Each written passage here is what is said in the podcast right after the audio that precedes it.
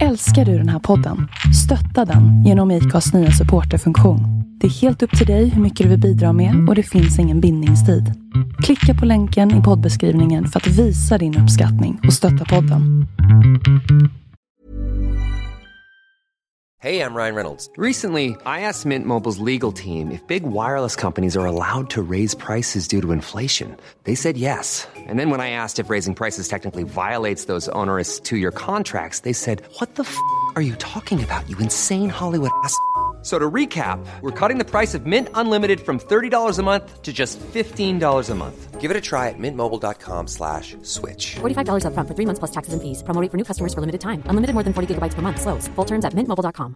Planning for your next trip? Elevate your travel style with Quince. Quince has all the jet-setting essentials you'll want for your next getaway, like European linen, premium luggage options, buttery soft Italian leather bags, and so much more. And it's all priced at 50 to 80% less than similar brands. Plus, Quince only works with factories that use safe and ethical manufacturing practices. Pack your bags with high-quality essentials you'll be wearing for vacations to come with Quince. Go to quince.com slash trip for free shipping and 365-day returns.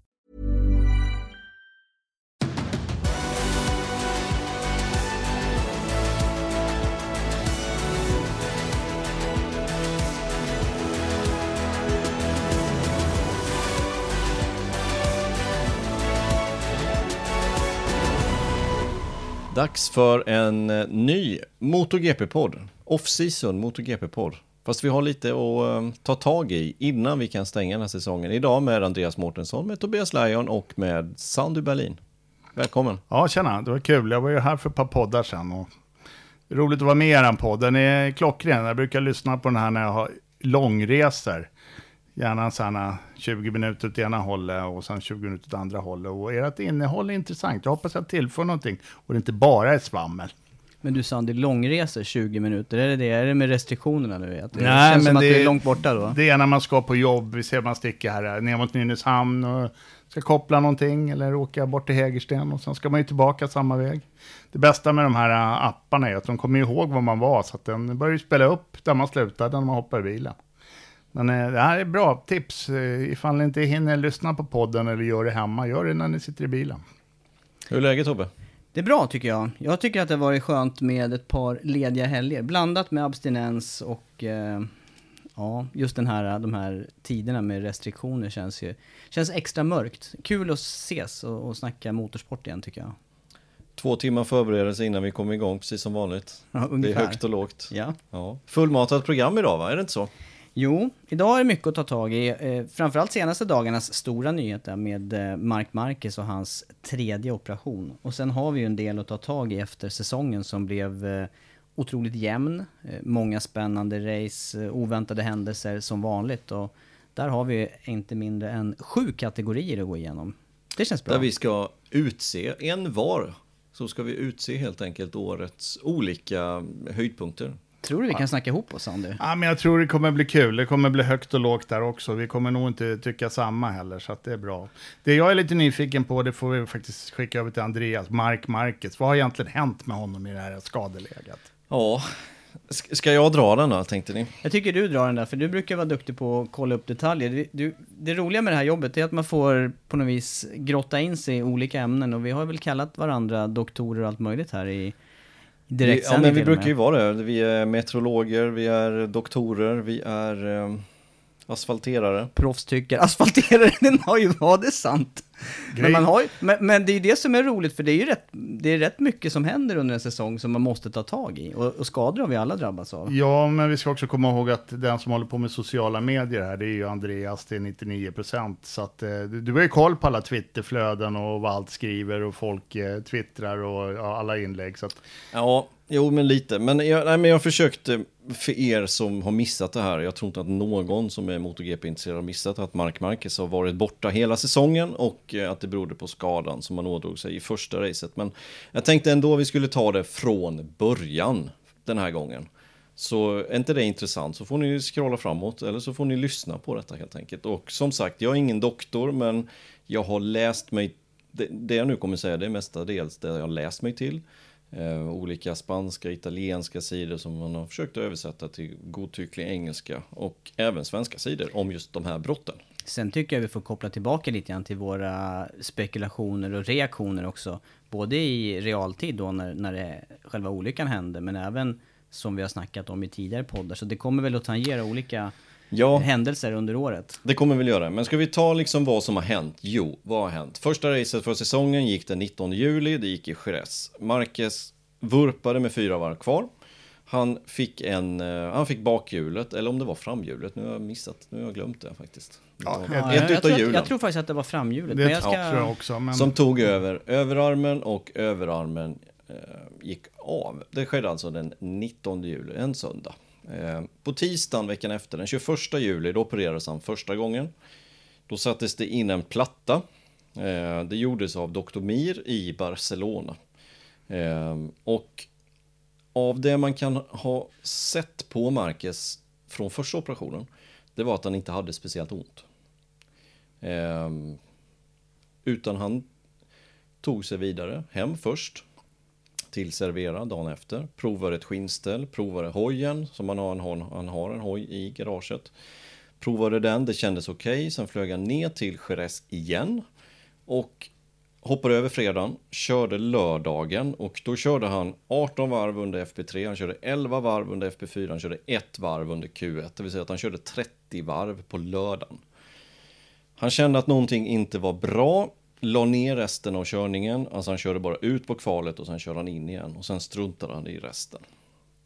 Hem igen, eh, tränar i någon vecka till. Måndagen den 3 augusti, det vill säga då nio dagar efter han hade kört motorcykel på Jerez och 13 dagar efter första operationen. Då skulle han öppna ett stort fönsterparti hemma och då rök armen igen. Den här titanplattan höll inte. Den, eh, om den gick av eller böjdes kraftigt, det har inte riktigt framkommit, men den, den höll inte för belastningarna helt enkelt. Ny operation, operation nummer två. Det var alltså den 3 augusti. Eh, sen dess har det varit lite oklart vad som har hänt. Vi har väl fått rapporter om att det inte läker som det ska. Eh, tiden gick, han ville köra sista racen, kom inte till start sista racen. Och nu då i torsdags den 3 december, då blev det offentliggjort att han har gjort en till operation. Den operationen gjorde han i Madrid, det vill säga inte hos Dr. Mir i Barcelona. Utan i eh, Madrid istället. Och eh, nu har han drabbats, eller då hade han drabbats av att benet inte läker ihop och då kallas det då för pseudoartros. Ehm, på något sätt att benet inte läker ihop utan det blir någon annan typ av massa som gör att det inte läker. Och då fick han ta en benpran- bentransplantation ifrån höften eh, för att hjälpa till den här skadan då att försöka att läka ordentligt.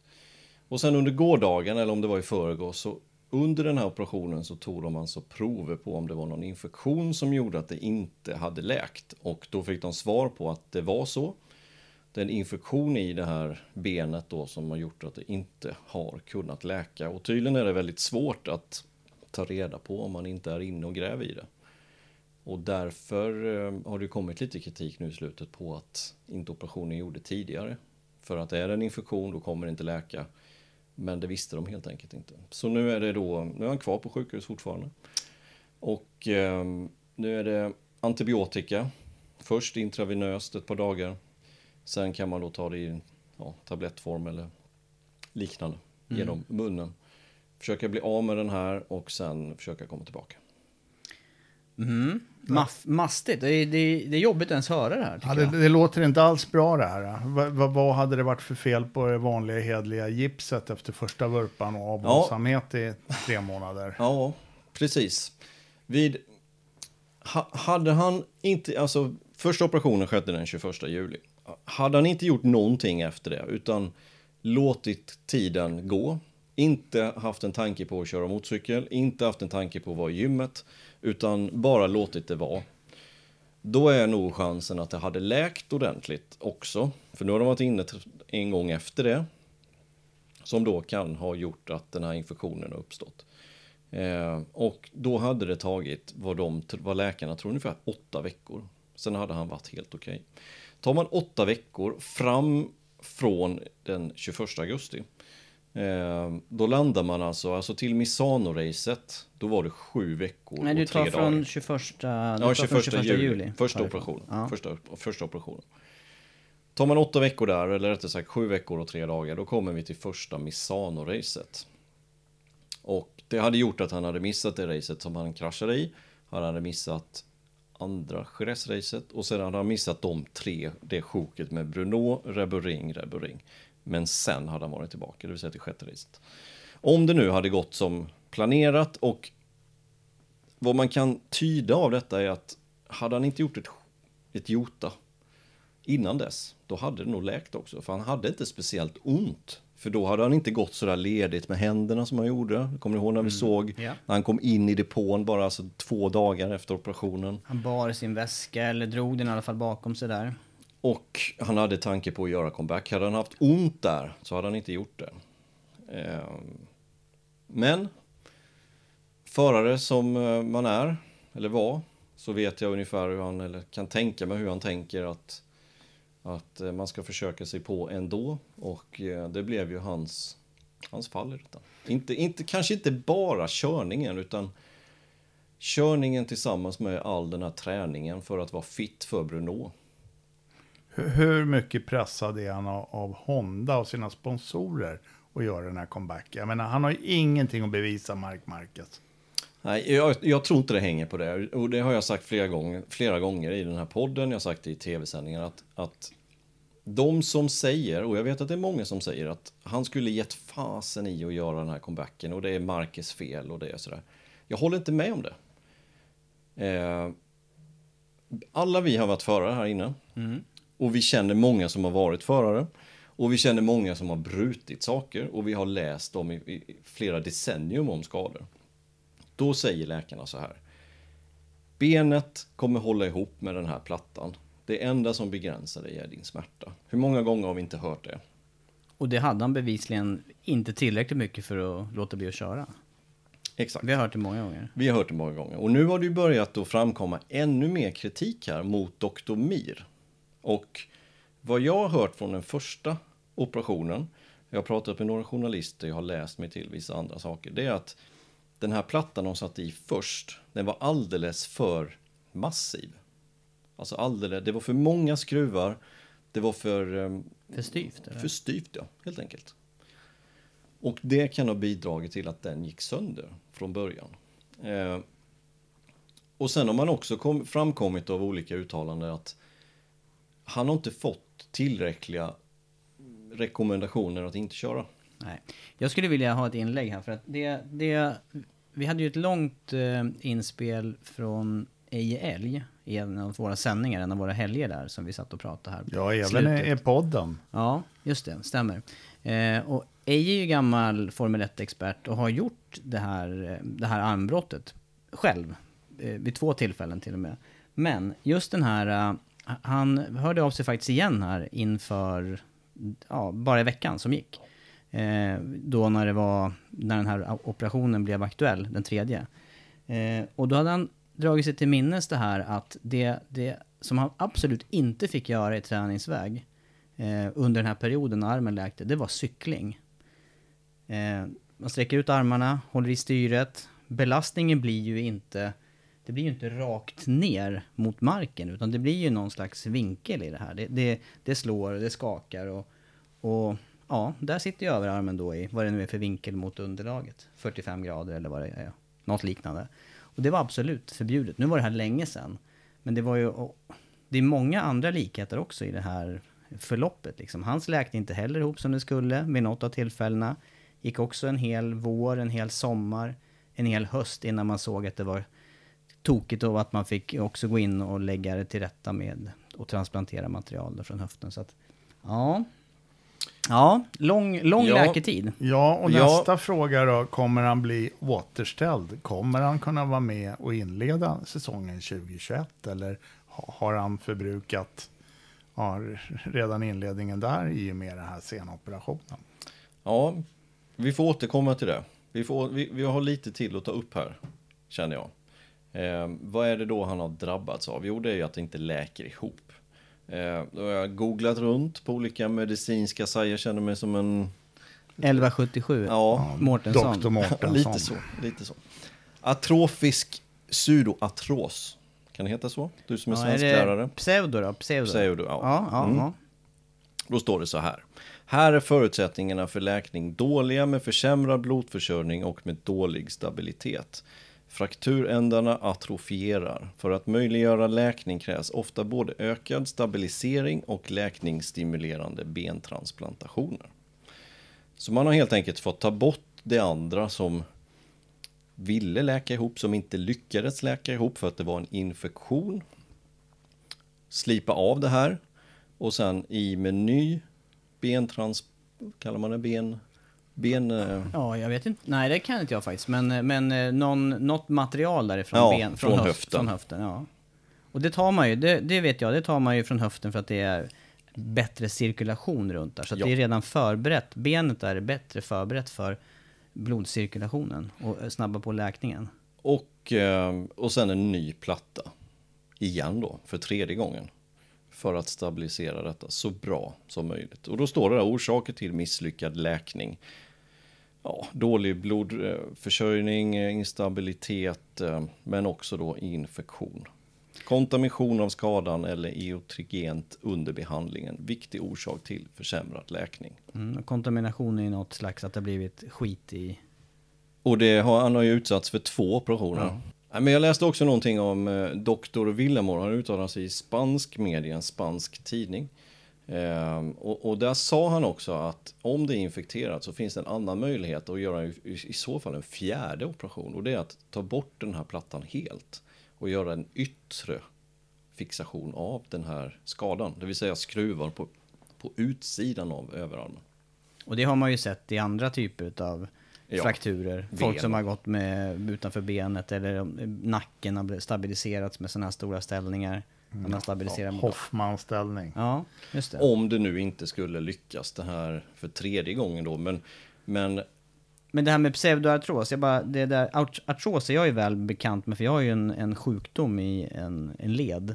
Och där bryts ju, där är det ju liksom kroppen bryter ju själv ner eh, materialet på något vis. Och det, det är väl det man jämför med i den här. Det, det, blir inte, det blir inte att benändarna möts och läker ihop utan de på något vis, det, det bara ja, luxuerar eller Ja. alltså att det, det blir bara en massa utav det istället. Och det här med blodcirkulationen, det känner vi igen från båtbensbrott. Ja. Det är ju det som är sånt problematiskt med båtbenet, just att det inte är något blodflöde runt det. Så att det är väl i princip tre månader med gips upp till armbågen, eller förbi armbågen, Ja, ja. för en vanlig dödlig. De här, här figurerna, de får ju grejerna ihopsvetsade så de kan köra Och jag brutit benet ovanför fotleden en gång och det var ju 10 eller 12 veckor gips. Just som du säger med för att det ligger långt bort ifrån eh, ja, med, blodcirkulation. Tar man här vad bara pseudoartros är för någonting så står det när en fraktur inte lyckas läka uppsår fru- pseudoartros. Pseudoartros är en fibrös förbindelse mellan de båda frakturändarna. Ibland utvecklas till och med en fibrös ledkapsel med ledvätska inuti. Man får en extra led på extremiteten. Det är inte att föredra på överarmen låter det som. Det är inte att föredra. Någonting som är positivt är ju att den inte sitter i någon led. Den sitter inte i axelleden, den sitter inte i armbågsleden, den sitter mitt på. En annan sak som är positiv är ju just det med nerven. Den är det ju inget snack om och vad vi förstår så är den inte påverkad. Nej. I det här Men, läget. men där vet jag ju av egen erfarenhet med, eh, med andra operationer och skador att det, det här med, det kan påverkas vid den tredje eller vid den fjärde operationen beroende på. Det, kan, det, är, inte, det är inte garanterat att man klarar sig utan eh, påföljder med, eller efter, ja, problem efter sådana operationer. Nej. Och, och vad säger då den här doktorn som uttalar sig då i, eh, i spansk media som är traumatolog på IQ Extra Advanced Medicine Clinic och rådgivare för FIM. Så det verkar som att han vet vad han pratar om. Jo, men han säger att ungefär 12 veckor, cirka. Sen kan man börja, börja och, och avancera med träningen. Och det betyder, tolkar man det här från, för en lekman då, då är, då är det 12 veckor. Jag skulle ju tro, du var inne på det där, när, när är Marcus tillbaka Sander? Jag, då tänker jag spontant att har man nu gått hela våren, eller förlåt, hela sommaren, hösten och gör det här för tredje gången, nu borde han vara försiktig tänker jag. Ja, han borde ju inte träna hysteriskt med vikter och sådär förrän det har börjat leka ihop i alla fall. Nej, inte, inte armen, men å andra sidan han har ju, han har ju övriga kroppen kan han ju träna. Ja, absolut. Det är ju bara armen egentligen. Så att han kan ändå hålla sig i hyfsad god form. Eh, 12 veckor, om det nog inte blir några komplikationer. Och det har ju redan blivit det där med infektionen. Sen om det påverkar läkningstiden, det borde göra det. Men osäkert. Eh, och 28 mars alltså så har vi premiären. Det är ju lite mindre än fyra månader nu då. Cirka, vad kan det vara? Nu vet jag inte exakt på veckan, men det, Ja men det Kan det låter ju vara som att det 15 är... veckor, tid- eller? Ja men Det känns ju som testerna Ja. på Sepang så kommer man ju inte kunna Nej, vara... det tror inte jag heller. Det tror inte jag heller. Vi ska nog vara glada om vi ser honom eh, i början av säsongen. Det är nog... En, och det är ju alldeles för tidigt att säga nu. Han gjorde operationen i torsdags, idag är det söndag, så att vi vet ju inte. Eh, det kommer de ju inte att veta förrän om kanske en må två månader framåt. Hur räkningen, hur snabbt den går. Och när han kan börja att träna ordentligt. definitivt är den, den här kraschen som nu eh, skedde, det är ju en sån här krasch som ändå har satt ett stort avtryck i mästerskapet. Det sätter stort avtryck på Marcus för närvarande och som du säger, det är högst osäkert fortfarande vad, vad det här tar vägen nu. Ja, eh, men, men att det är en... Det lär inte vara, om, om det nu är som det sägs så lär det inte vara en, en karriärändande krasch. Utan han kommer komma tillbaka. Det kommer bli som innan efteråt, när han väl är igenom det här. Det är bara att det tar lång tid för det att läka. Eh, sen om han kommer vara densamma som förare eller inte, det får vi ju låta vara osagt, för det vet vi inte än. Om han kommer kunna pressa gränserna, att han kommer vara så orädd som han har varit innan. Det vet vi inte än. Det, det är sånt vi får, men hans arm är, den kommer bli bra förr eller senare. Men jag vill återgå lite till ändå vad jag tror kommer bli en snackis efter det här. Och det är just det här med Dr. Mir och det här sjukhuset då i Barcelona. Som han alltid har anlitat innan. Båda för sina axeloperationer förra året. Förra vintern gjorde han en axeloperation. Året innan det gjorde han en axeloperation. Och alla skador innan så har det varit Dr. Mir som gäller. Ja, det är ju inte bara han som anlitar Dr. Nej. Xavier Mir. Det är ju nästan hela MotoGP-depån. Ja, det är ju det. Och direkt efter det här brottet på Jerez så flög han tillsammans med doktorn, Dr. Mir, eller Javier Mir, till hans sjukhus, till hans klinik, opererade överarmen. Varav det sägs nu då att det kanske var lite för rigoröst. Att man inte ens konsulterade någon annan? Det verkar inte riktigt vara så. Och då... Jag tror att han Mir, doktor Mir, han har nog en ganska limiterad erfarenhet av just sådana här benbrott. Överarmsbrott. Hade det varit nyckelben eller någonting annat då hade han haft väldigt god kunskap om hur man kan göra. Men som sagt, vi får låta det vara osagt om det var för mycket eller inte, det vet vi inte riktigt än. Men i vilket fall, han, han blev opererad där. Sen gick det upp igen och det tror jag var en jag tror att det var en chock för Marcus, faktiskt. Att han öppnade här efter att ha tränat hårt visserligen, kört MotoGP, har ju 30 varv som vi precis har gått igenom, men han öppnar det här skjutpartiet och sen så ger sig armen. För jag är helt övertygad om att han har fått direktiv om att benet, det sitter ihop. Punkt slut. Det är din smärta som sätter gränsen. Och om du får de direktiven som förare, du, du får också direktiv som säger så här, slår du upp det här på samma sätt igen, då är det inte bra. Då är det jättedåligt. Men risken att man gör det, den är ganska låg. Att du slår upp ett ben, en, en armskada på det sättet. I alla fall under konvalescensen, då tänker man ju då, det är klart nu körde han ju hoj där. Det hade väl, eh, ja den, jo, men den, ju risken som förare, det är samma sak med nyckelben. Vi skruvar ihop nyckelbenet så du kan köra, men slår du upp nyckelbenet igen nu, det är inte bra. För då sticker plattan upp i skinnet och det är dåligt. Men den risken som förare är man beredd att ta. Men hade, hade det kommit fram redan då att nej, men plattan kan ryka om du gör på detta sättet, då tror inte jag han hade kört. Jag tror inte den informationen, jag är övertygad om att den informationen inte har kommit fram till, till Marcus och hans team runt omkring honom.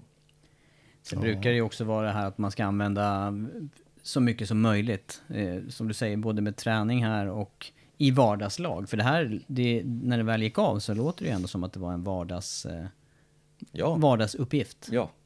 För honom. Men just när det gäller överarmen så har ju alla blivit varse om att du, du kan inte pusha det så hårt som du kan göra med andra typer av benbrott. För du har bara ett ben, du har bara en överarm. Du har inte två handleder till exempel. Mm, det där Eh. låter jäkla märkligt. Jag vet också att Dr. Costa hade gjort någon inlägg i den här debatten eh, här i veckan.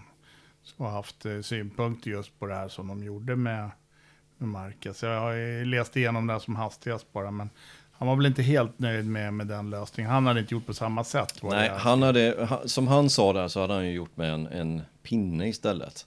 Och det fick jag också förklarat för mig nu i dagarna att har man väl börjat med metoden att ha en platta, då kan du inte gå över till att använda pinne nästa gång. För då har du redan på något sätt Perforera gjort kanske. någonting med blodcirkulationen i det här benet. Så då är inte det något alternativ egentligen. Nej, Och sen ska vi komma om ihåg... Det. Costa snackade faktiskt om det redan efter, eh, efter sommaren där, ganska tidigt. Ja, det gjorde han. Det Eh, gjorde han. och- Sen om det är rätt eller fel, det vet jag inte. Det enda jag har hört är att den var alldeles för alldeles för stabil, den här lagningen med de här 11 skruvarna eller vad det var för någonting och den plattan. Andra operationen sen, då ska vi komma ihåg att då blev det lite tidsbrist där. För att han ville komma tillbaka till veckan efter, då var det Bruno. Detta skedde alltså måndag den 3 augusti. Och den gick sönder, då är det ju ilfart till Barcelona, opererades bara på någon timme. Då hann de nog inte med liksom att vad är det som har hänt? Varför har det hänt? Hur ska vi gå vidare? Utan det var, det var nog snabba beslut där. Men sen efter den operationen, det var då det började sippra ut lite sådär. Var det verkligen bra av doktor Mir att göra på det här sättet? Var direktiven rätt? Och hur skulle vi egentligen gått vidare? Och där tror jag att sista ordet inte är sagt. Jag tror att det kommer bli ett, ett rättsligt efterspel på det här. Så är det. jag tror det. Jag tror det. För att hade han... Jag är helt övertygad om att han har fått andra direktiv. Han har inte fått det här. Ja, men kör du MotoGP-hoj så av vibrationerna så kan ditt ben gå av igen. Han har inte fått de direktiven. Jag är, jag är övertygad om det. Däremot om man, om man kraschar igen eller gör olika saker, får olika typer av slag eller trauman på samma ställe. Då är det en annan sak. Men det fick han inte här. Utan han tränade hårt och det gick sönder. Därför valde han också att åka till ett annat sjukhus. Med andra specialister den här gången. Mm, Man kan ju- fortsättningen ja. följer. Vi lär ju få veta vart tiden lider faktiskt. Och då undrar man så här, hur, hur ställer sig Honda till det här? Är de nöjda?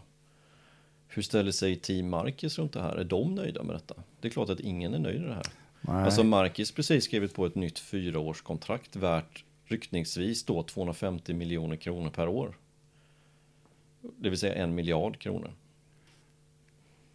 Nej, nej jag, är, jag, jag har inte mycket att tillägga där, men, men jag är precis som, eh, som du säger här, en, en eh, eh, läkare i det här läget borde ju inhämta information från flera håll innan han gör någonting, om det ens är, om det är någon slags osäkerhet i det här operationsförfarandet eller om, om du säger att det skulle saknas erfarenhet kring den här typen av frakturer. Det, det kan man ju tycka. Ja, Det har säkert så. gjort också. Det är klart att man inte bara gör det på en höft. Men resultatet till slut har inte blivit bra.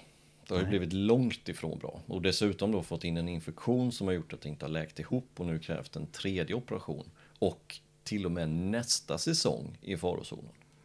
Ja, det där, är, det där kan, det kan slå tillbaka illa det där med att man ville tillbaka för fort i slutändan helt enkelt. Du, Men, jag- men återigen, jag, jag, vill, inte- jag vill inte vända på det sådär att man vill tillbaka för fort. Utan jag vill vända på det att han har inte fått tillräckligt tydliga besked att han inte ska köra.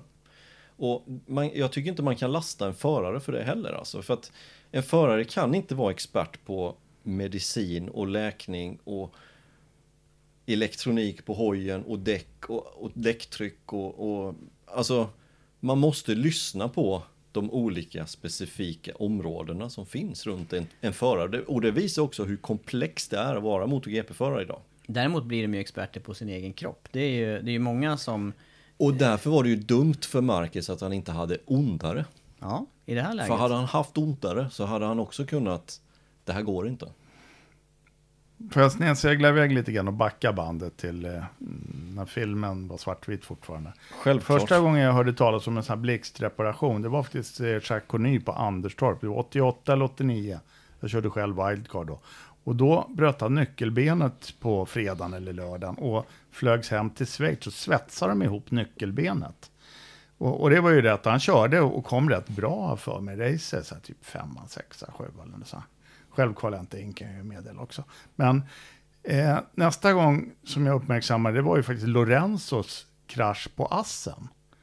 När han försvann iväg, förmodligen till Dr. Mir i Barcelona.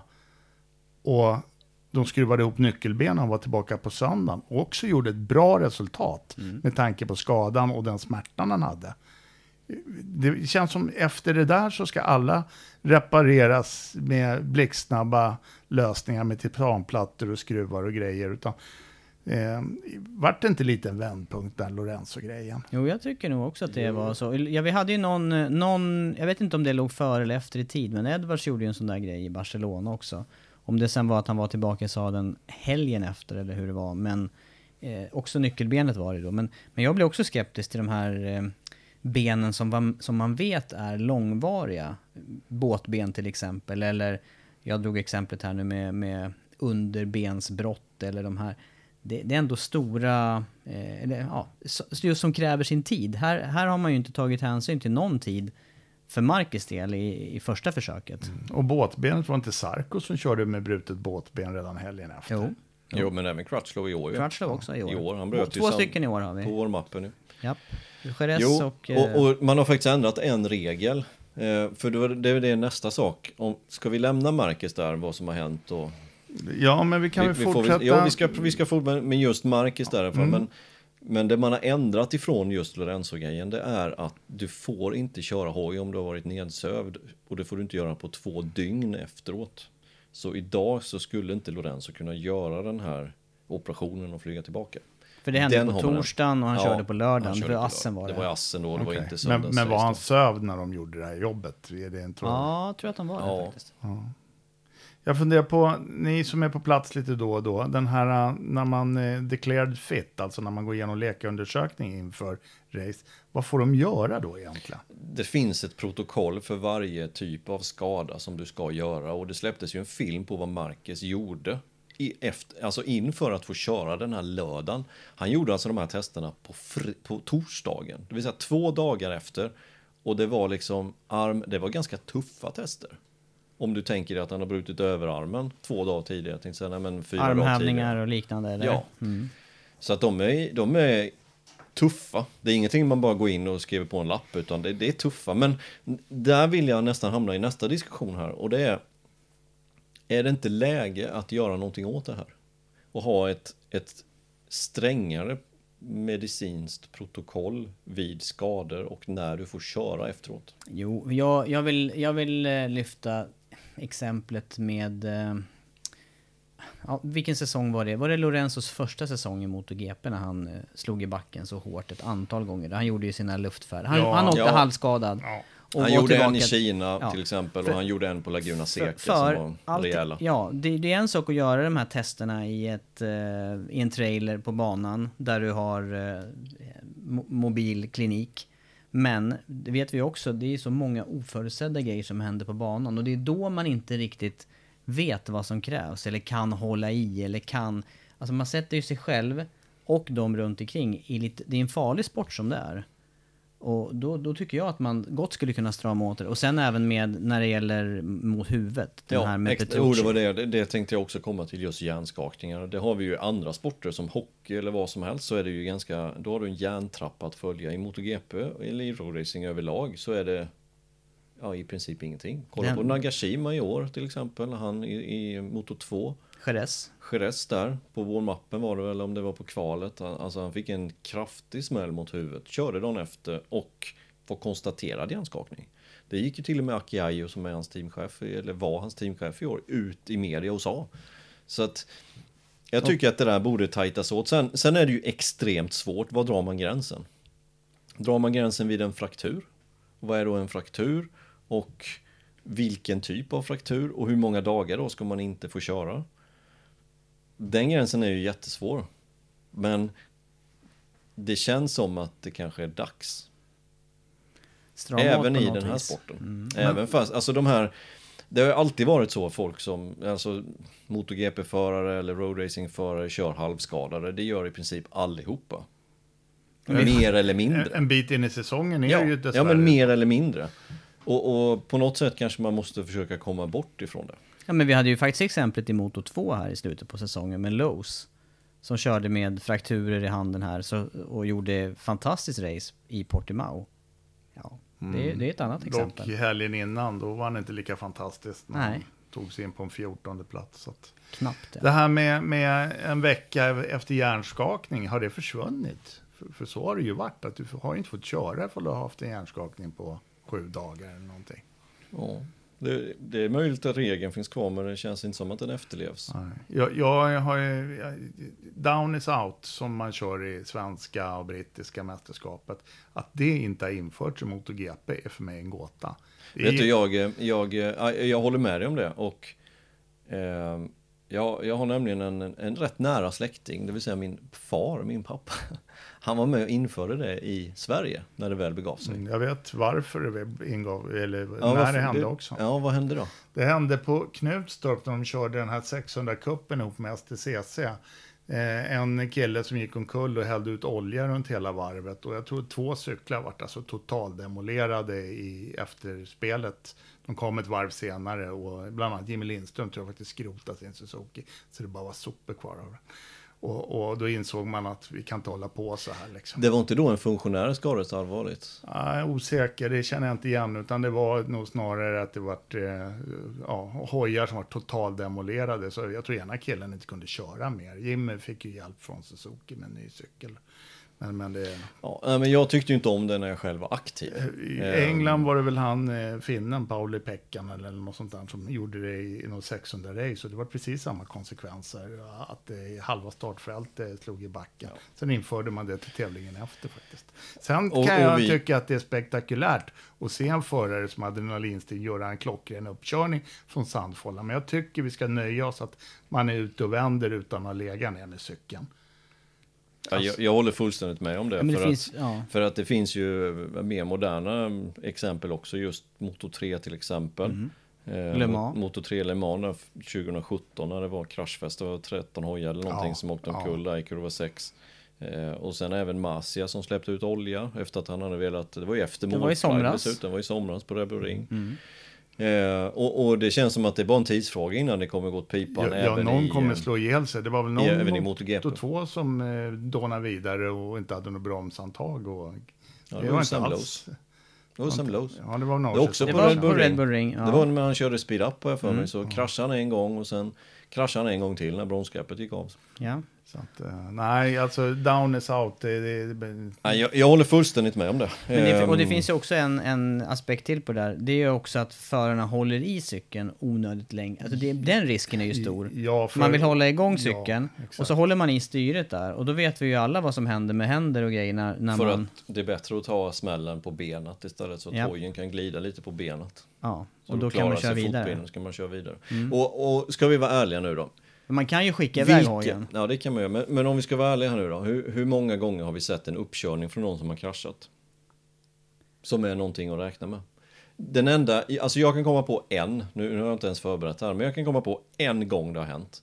Och det är Casey Stoner på Laguna Seca 2008.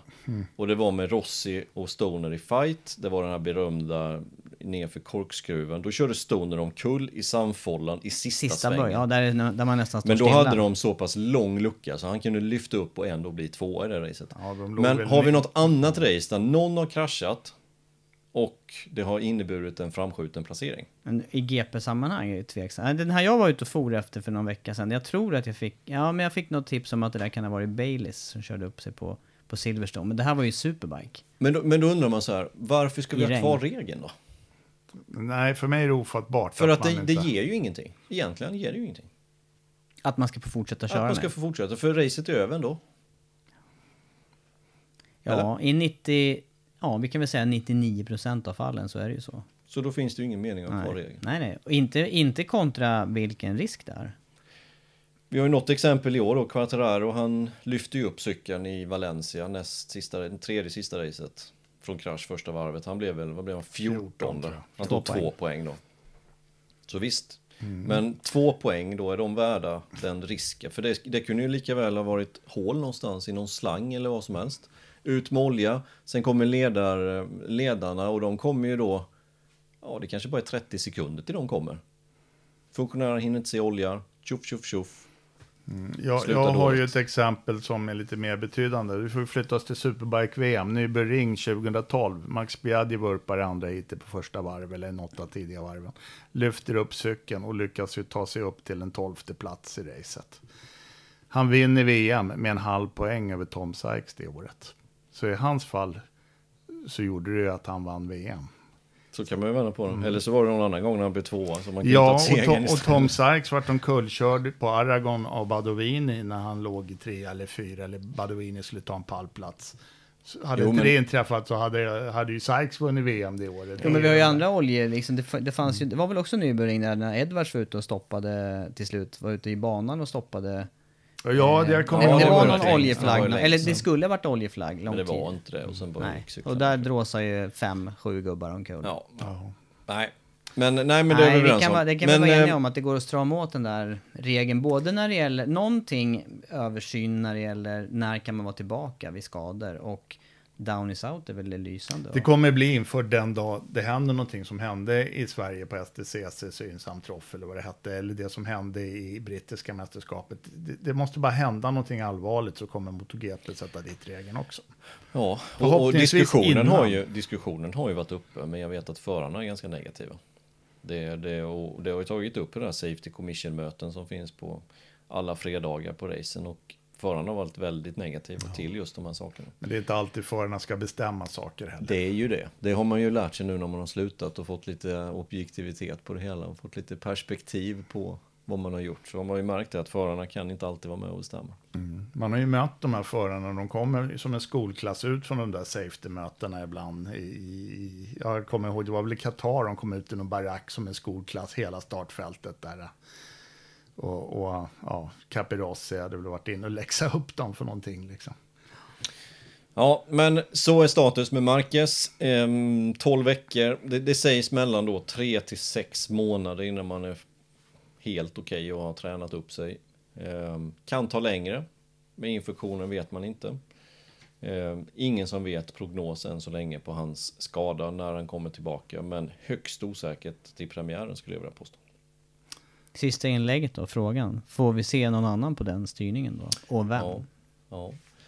Nej, det- beror på, skulle jag vilja säga. Jag tror att inte man kommer, man kommer inte ta i det just nu, tror jag. För att får man reda på att, att det går sämre än förväntat i januari, februari för Marcus, då börjar man nog kolla på en långsiktslösning och ringa hem till Forli och till Andrea Dovizioso. Eh, får man reda på att ja, men det går hyfsat, men vi klarar nog inte riktigt att vara med första tre racen, fyra, för tre race är ju OVC, sen är det ju hem till Europa igen i början på maj då, eller slutet på april. Då tror jag att Brader får fortsätta. Så jag tror att det, det kommer man inte veta på... Det kommer vi inte veta förrän i januari, februari.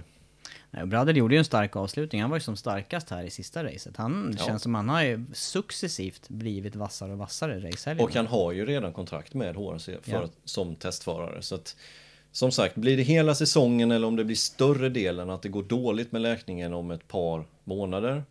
Ja, då kanske de ringer Dovi. Men blir det bara ett par, tre, fyra, fem race. Ja, då tror jag de, de nöjer sig med Brader. Even on a budget, quality is non-negotiable. That's why Quince is the place to score high-end essentials at 50 to 80% less than similar brands. Get your hands on buttery soft cashmere sweaters from just 60 bucks, Italian leather jackets, and so much more. And the best part about Quince, they exclusively partner with factories committed to safe, ethical, and responsible manufacturing. Elevate your style without the elevated price tag with Quince. Go to quince.com slash upgrade for free shipping and 365-day returns. Hold up. What was that? Boring. No flavor. That was as bad as those leftovers you ate all week. Kiki Palmer here, and it's time to say hello to something fresh and guilt-free. Hello Fresh. Jazz up dinner with pecan-crusted chicken or garlic butter shrimp scampi. Now that's music to my mouth. Hello Fresh. Let's get this dinner party started. Discover all the delicious possibilities at hellofresh.com. Hey there, it's Michelle Norris. I'm host of a podcast called Your Mama's Kitchen. When I travel, I'm usually looking for a way to find a taste of home when I'm not at home. And one of the things I love to do when I am at home is entertain. And Airbnb allows me to do that. When I was in California recently, I rented a house that had a great kitchen. And when we were sitting around the table, we we're all thinking, we're in someone else's house. Someone could be in all of our homes as well. If you have a home, but you're not always at home, you have and Airbnb. Your home might be worth more than you think. Find out how much at airbnb.com/slash host.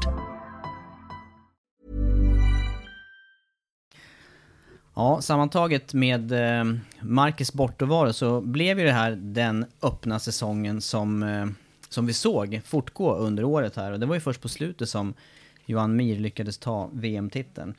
Vi har valt ut sju kategorier att snacka om för att summera mästerskapet. Men, men innan, Sandy, vad, vad är din, eh, ditt bestående intryck av årets MotoGP-säsong? Ja, men det var ju annorlunda. Det här med dubbelracen var ju helt nytt. Och jag vet att ni har inte varit så tända på det, men, men jag tyckte från soffan så tyckte jag det var rätt okej okay att se det vart ju inte lika race någon gång till exempel. Jag, jag har ju många gånger tittat på, det finns ju ingen bredd här hemma i svenska mästerskapet.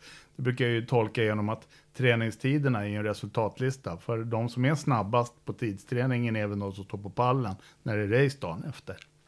Det kommer ju aldrig någon överraskning från tolfte plats och vinner racen där.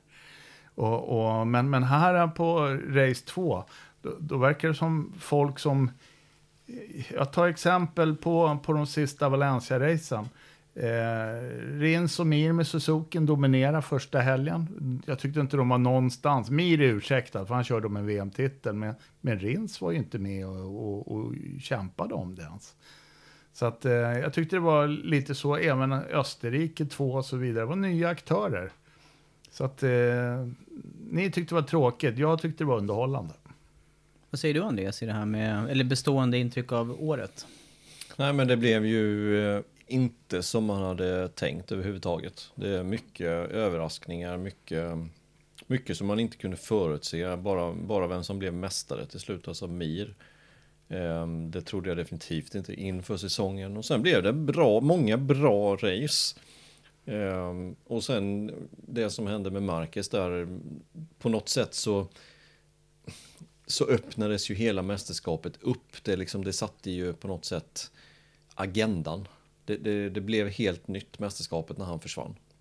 Mm. Ja, jag tänker också på det här med säsongen, hur länge det stod och vägde mellan så många förare här och hur många förare som faktiskt var med i snacket om en titel långt in till Aragon där med Nakagami, om han hade lyckats i det racet som man stod i pole position till exempel, då hade vi haft en förare som kanske var ännu längre bort från mästerskapssnacket än, än Mir inför säsongen. Så att det är nog mitt bestående minne. Och sen det här som du säger också, att det var så pass många jämna race, men med olika aktörer i. Så att, ja, underhållande mästerskap, mycket.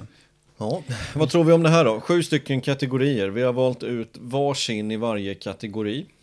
Ska vi säga kategorierna? Det är alltså årets race, årets överraskning, årets krasch, årets klant, årets rookie, årets fight och årets uppkörning. Får vi se om vi har lika på någon av de här. Vad tror ni? Ja, några ja. kommer att vara lika. Det, ja, jag tror det också. Mm. Jag tror det också. Ska, vi, ska vi börja på en gång eller? Mm, vi kör igång direkt. Då kör vi årets race. Vem vill börja med den? Den kan jag börja med. Jag är gäst. Årets Kör. race var helt klart Portimao. Ny bana, spektakulär bana. Eh, jag vill se mer MotoGP på den banan. Vem var det som missade rätt segrare där då? Det var inte jag och det var inte Tobias. Kanske var därför han tyckte det var årets race. Ja, men... Sander, nu får, du, nu får du en anledning att vika ut här kring ja, din tippning. Men grejen är den, tänk på att jag är mycket äldre än vad ni är. Eller framförallt, jag har hållit på med det här mycket längre ner. Så att, Ehm, jag gissade ju att eh, Oliveira skulle ta segern på hemmabanan. Och jag har tydligen sagt till dig eh, att hur, du kunde inte gissa på honom verkade korkat. Och jag står jag för.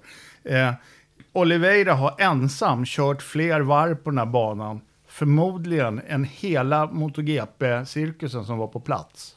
Banan byggdes 2008, det är 12 år sedan. Några har kört spanska mästerskapet och ditten datten, men han, han har garanterat kört fler varv än hela MotoGP-startfältet ensam på den banan. Han har haft frikort där, eller åkband hela året, Ja. hela, sen dess. Plus att han, han åkte ju det här enduransloppet, det har vi pratat om tidigare. Andreas och Paul Ahlgren kommenterade på Eurosport för några år sedan. Det var 2016 ni gjorde det dessutom. Vi var ju på Isle of Man, jag och Äpplet den gången. Och han var ju blixtsnabb. Och, och endurans, ja det är någon sån här pensionärsserie och det, men de är snabba de gubbarna som är längst upp i täten där, det ska man komma ihåg. Och han eh, visade ju hur snabb han var på en stor hoj redan då. Det tror jag sa i podden också. Att han kan åka en cykel med 200 hästar runt den där banan. Så att jag, jag, jag bara satt och njöt just för att ni, ni, ni tittade, ni rynkade på näsan när vi satt där i podden. Ni höll på med Mir och det var, han skulle, nu har han kört, nu kan han go for och rins och eh, Smolket i bägaren, det var ju faktiskt att jag tippade Quartararo som tvåa. Och, och, och jag, Tog han poäng ens? Ja, det var väl hårfint där. Ja, Han var väl jag tror 15 det. där. Men, men, men, Kampen om Eh, sista poängen. och att vi missade Miller, det var ju lite klantigt. För han var ju faktiskt, han, han gjorde ju en jättebra avslutning och, och fick, kunde hålla liv i däcken. Det har ju varit hans svaghet tidigare. Men ja, Oliveira, han eh, dominerade den där helgen utom möjligtvis eh, Q, eller FP2 då. när- Ja, nej, men, alltså, jag håller med egentligen. Portimao är ju, ehm, det, det var ett riktigt coolt event. Ehm, Jag trodde dock, om man ska försvara min tippning lite då, om man nu ska behöva göra det i sin egen podd, men i alla fall så, ehm, så trodde jag väl att de andra förarna skulle, jag trodde de skulle ta sig. Jag trodde inte att bankännedom skulle vara så pass viktigt i slutändan som det var. För så duktiga förare. Så Ja, så duktiga förare är det så det borde inte ha spelat den rollen kan jag, kan jag tycka. Men eh, det gjorde det. Mm, men, men- eh, nej, ja. men jag håller med. Men ska jag ta mitt årets race eller? Nej, först ska jag bara säga det Ja. att ni ska inte vara jätteledsna, för jag tippade ju då Oliveira, eh, Quartararo och Morbidelli. Och ni två clowner, ni tippade ju också Morbidelli på tredjeplatsen, så ni Ja. hade ju inte helt fel med pallen vi fick, i alla fall. i alla fall. Men, men vem som eh, var bäst på att tippa, det, det är Du gör eh, en sån här one... gammal är äldst. Ja. Men, men du, när vi ändå är inne på tippningen här, har ni tippat rätt segrare någon gång under året? Det tror jag inte. Så du vann den serien. Jag, jag har faktiskt slagit upp den här tippningen. Du sa Oliveira, Quartararo, Morbidelli. Andreas hade Rins, Quartararo, Morbidelli. Det, alltså de, tog, de två förarna tillsammans tog ju inte en poäng. Nej, och jag hade Mir, Polle Spargaro och Morbidelli. Ja. Ja, så Morbidelli hade vi alla tre som eh, bronsgubbe. där. jag hade en KTM. Jag försöker, försöker rädda Ja, upp lite. Nej, det Ja. var, det var inga vidare. Men, Men, ja, eh, å, men årets race eh, ja. för mig var i alla fall Portimao. Nu har vi gått vidare. Vad, vad hade Ja. du då? Nej, jag hade faktiskt eh, Styrian Grand Prix, alltså Österrike 2, eh, som eh, blev rödflagg på grund av Vinales krasch när han satte cykeln rakt i barriären efter eh, kurva 1. Och sen blev det omstart och det blev världens fight mellan Miller och eh, Paul Espargaro. Där Oliveira vann. Ja, det var... Det, det, ja, men det, Det var mycket sätt, som hände. Mycket ja, det var oväntat mycket, som hände. Det var mycket som hände i det här racet. I alla fall omstarten där. Så att på något sätt, jag tycker nog det är årets race. Även fast Portimao, ja, det, det, det är hårfin, hårfin skillnad däremellan. Kommer du ihåg vilken känsla vi gick ut ifrån eh, studion med? I, ut i höstmörkret efter Portimao. Då var Ja, det, ja, som, ja. det var som att dra ner en sån här uh, hotellgardin när man inte ser omkring sig. Man vet inte om det är dag eller natt. Och så har man precis lämnat de här fantastiska uh, scenerierna och körningen där i Portimao. innan. Jag hoppas Ja. att något race blir inställt nästa år så att det blir Portimao nästa år också. Ja, det kan man hoppas på. Och jag, ni håller med om det. Jag satt i vardagsrum och tittade på min 82-tums tv. 82. Ja, Finns 82. det så stort? Ja, kom hem till mig för att se. Men hur som helst, jag tittade på MotoGP-racet och solen sken. Det var inte ett moln på himlen. Och så tittade jag ut genom fönstret och det var mörkt ute. Samtidigt här i Stockholm. Så nu får du... Eh, Ja, jag säger, det här blev tre olika faktiskt. Ja. Eh, jag drar till med Le Mans. Och för jag tycker att det var så, det, det blev sådana ändrade förutsättningar. Så det var en sån där, det var en sån där plötslig pulshöjare inför racet. Eh, det, det blev sådana omkastningar där med Quartararo som såg eh, klippstabil ut. Kan, kan han- vi enas om att om vi ska utse en punkt i Quartararos misslyckade mästerskap det vill säga att han inte lyckades ta segern. Är det att det började regna i Le Mans? En av två punkter. Sen var det ju den här Misano också. kraschen i Ja, Misano. förstår. men, men, men, men, ändå Ja. liksom, Ja, Misano ja. var ju före detta. då var det, det var hans mörkläggningsgardin om man säger så då. Där. Ja, den var halv, halvt nere efter Misano 1, men helt efter Le Mans. Mm. Ja. Kan vi säga sen, ja, för sen, för sen innehöll ju det racet massa andra spännande saker också där. Och jag tänker bara, jag tänker en sån där, ett sånt tillfälle i det racet, det var de här när de kom in, när Rins missade sin inbromsning efter bakrakan där. Det var ju bara som man, det är ett spår in där bara. Vi har ju varit med om andra grejer genom åren just i den svängen in i chikanen efter bakrakan. Det var det så här som att jag bara höll andan och tänkte hur många ligger här nu? Ingen. Ingen la ju sig. Nej, ingen la sig. I det, i det skedet. Le Mans blev årets race för mig av den anledningen. Ja, Ja, spännande, spännande var det i alla fall. Och vinnaren var ju en överraskning i det fallet. Och då glider vi in på nästa ämne. Ja, då och kör vi jag nästa. som gäst börjar ju då. Och vad har vi för ämne då? Årets överraskning. Ja, Och årets överraskning är Brad Binders seger i Tjeckoslovakien. Håller ni med? Jag har inte valt den, men nej jag har inte heller valt den faktiskt. Men det är klart att- Det kan vara så att den återkommer kanske lite senare i någon annan kategori, men, Mm.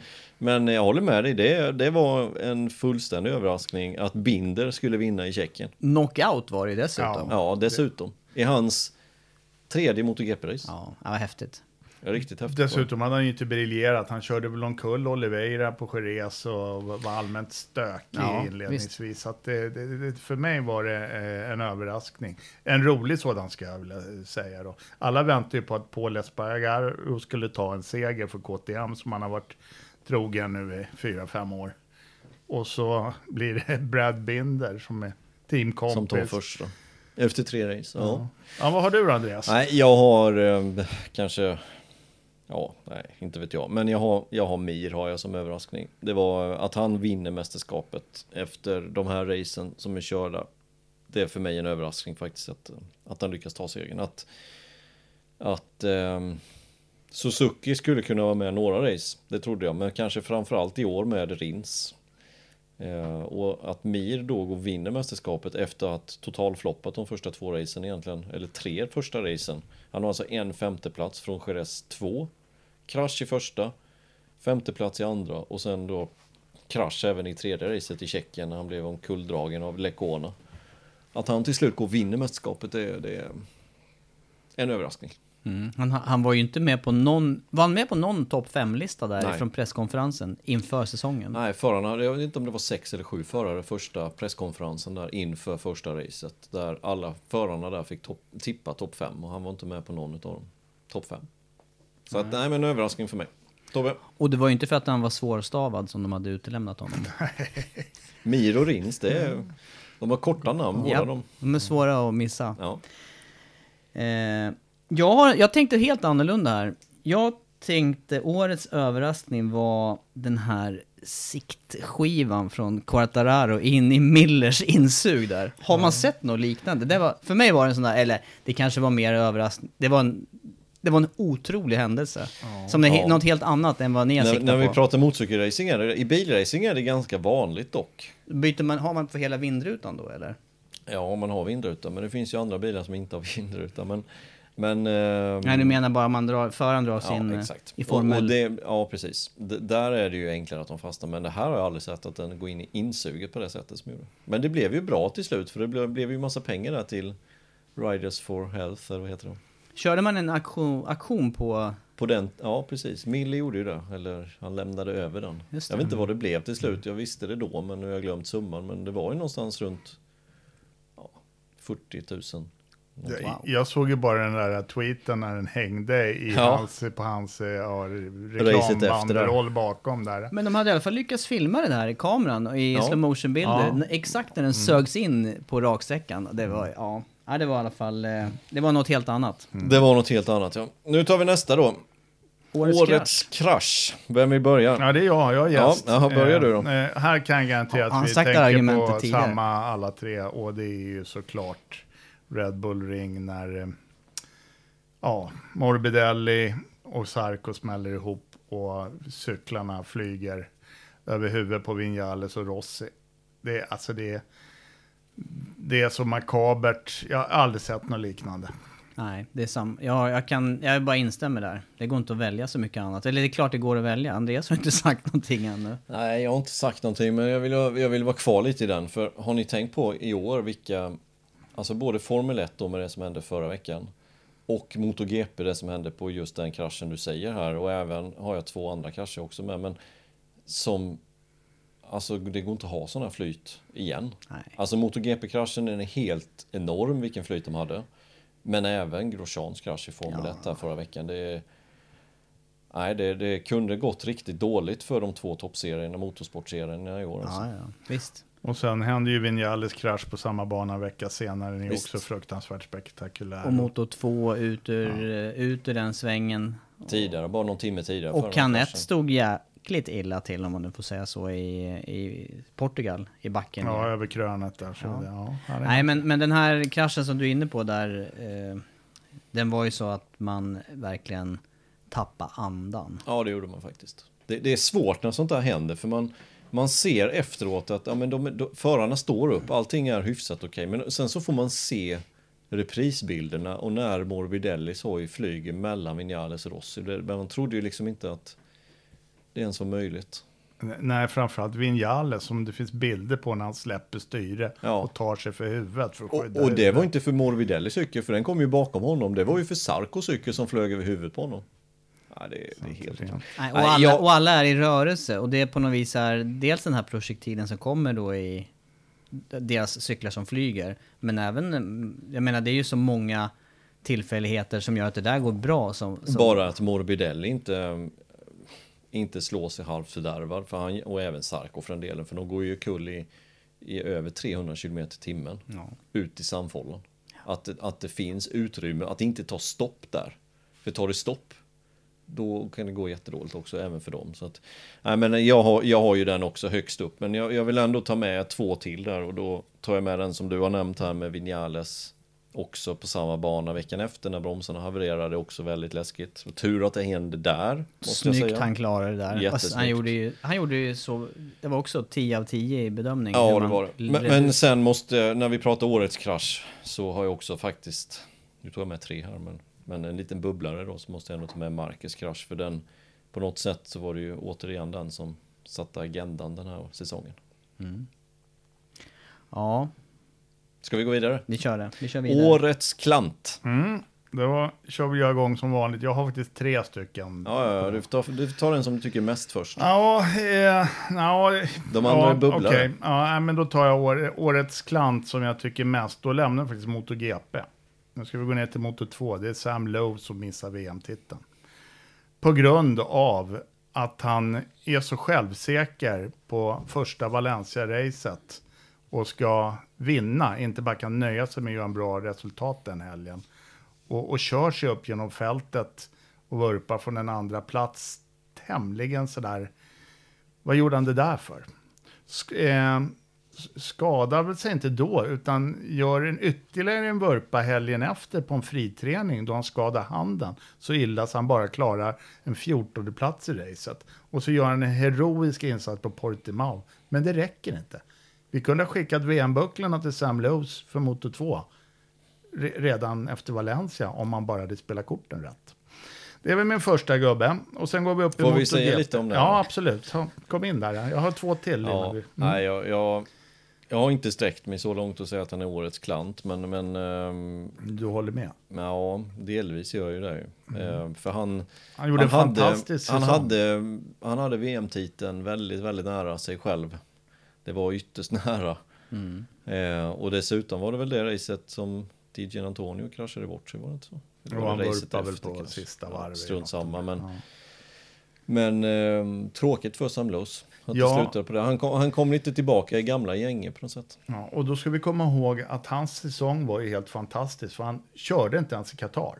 Nej. Och han gjorde världens groda i Österrike när han eh, höll på och körde omkull och kraschade ut folk och ställde till det. Så han hade ju två riktigt dåliga resultat som han och hämtade. starta från depån i Misano. Ja, det ska vi inte glömma. Då Han blev kom han åtta. åtta. eller någonting. Mm. Ja. Och det var ju tack vare att han hade kört omkull folk i. Österrike. Han fick starta från det på. Han hade ju vunnit på Misano med den körningen han gjorde. Absolut. Absolut. Men, men tråkigt. Jag hoppas att han behåller den här äh, bra formen och kan bli världsmästare eh, nästa år. För jag gillar honom för att han har ju kört supersport. Jag kommenterar honom mycket. Och så har han ju en brorsa som är väldigt duktig i superbike också. Kul kille. Men ändå så blir han årets klant i Sandus Mm. mening här. Ja, jag är ledsen, men så är det. Ja, och sen har bubblarna vi, då? Ja, bubblarna är ju faktiskt eh, årets klan, Ianonne. Det, det är en av dem. Och, och det är ju för, det var väl i för för förra året som han åkte dit för dopinggrejer, men just som ni drog upp här att hans försvar, när, när han skulle motivera det här, det fanns ingenting att komma med. Han, han hävdade att han hade ätit kontaminerat kött i Malaysia. Och, och, och sen när, när han har den här hearingen så, så har han ingen, ingen bevisning eller inga argument för att så är fallet. Och, och så också det här att avstängningen på 18 månader blir fyra år, vilket förmodligen har satt punkt för hans karriär, i alla fall i MotoGP. Han, kanske hade, han hade ju kunnat missa lite till genom att säga att han käkar dåligt kött i Indien när man knappt serverar kött. Det hade Ja, varit lite värre. jo, Men annars ja. var det inte mycket på fötterna. Han kan nog komma säger. tillbaka till Superbike-VM eller Endurance, för det är en kille som kan köra motorcykel. Det är ju en talang, det är inget snack, men det, han verkar inte så smart i mina ögon. Sen har jag faktiskt eh, en bubblare till och det är Sarko. Sarko är årets klant för att han lämnade KTM-teamet som har lyckats bygga en väldigt bra motorcykel till årets säsong. Det var väldigt dumt. Eh, han har dessutom varit inblandad, han vann en vurpstatistik läste jag. Eh, att han petade omkull Dovi var väl inte riktigt hans fel, för det var ju en incident med, med Petrucci vingla till och sådär. Men att han körde på Morbidelli var nog hans fel och så vidare. Så jag tycker att han förtjänar nog liksom lite, eh, han, han har gjort en bra säsong och, och jag är imponerad av honom, men han har också ställt till mycket saker under året. Håller ni med? Ja, jag kan inte mer än... Nej, visst, det, finns, det finns ju absolut saker där. Och, Det är och det här som är så roligt, för vi tänker lite, vi tänker helt annorlunda. Sarko är ju, eh, som du säger där, jag kan tycka också att han... Det det är märkligt med två VM-titlar och på något vis, han ger ju ett eh, samlat, stabilt intryck. Men sen gör han samtidigt såna här huvudlösa grejer. Han var ju på, på Phillip Island gjorde han ju en grym krasch. Han gick ihop med Marquez där, med touchade hans bakhjul in mot kurva 1 för ett par Och år det sedan. var ju Sarkos fel. Det var helt hans och fel. Ja, ja, ja. ja, ja. ja, Nej, det är men- en sån där och- grej och till. Han gör sådana där saker och de, de grejerna han har gjort, det är ju, det är ju total, det är stora. Och, och här har vi kanske inte nämnt, nu ska jag nämna kanske det värsta han gjorde i år. Han, har, han gjorde mycket knasigheter i år och han har gjort genom tiderna, men när han åker med sin rykande motor och korsar banan Ja, i i sista racet. Det var inte bra. Nej. Eh, Alltså efteråt så sa han att men vi visste vad det var för fel och vi visste att det inte var någon olja. Ja men Ja, vad, vad skulle man annars sagt efteråt? korsa inte banan med en rykande motor. Och sen, Tänk, tänk om det hade legat olja där och förarna kom in där ungefär över 200 km i timmen. Ja, Och gå omkull på det där. Hamnar du på huvudläktaren. Och sen, en sak, för vi backa bandet, ni kommer ihåg vilken succé han gjorde i sitt första MotoGP-race? Han hade väl Pole. pole, Ja, ja. Och, och ledde väl i Första sju- fem varven. Sju, ja, sju- Qatar, ja. Qatar, ja. Och, och vurpa, jag menar, eh, ja det var ju otur den gången, men det kanske var klantigt.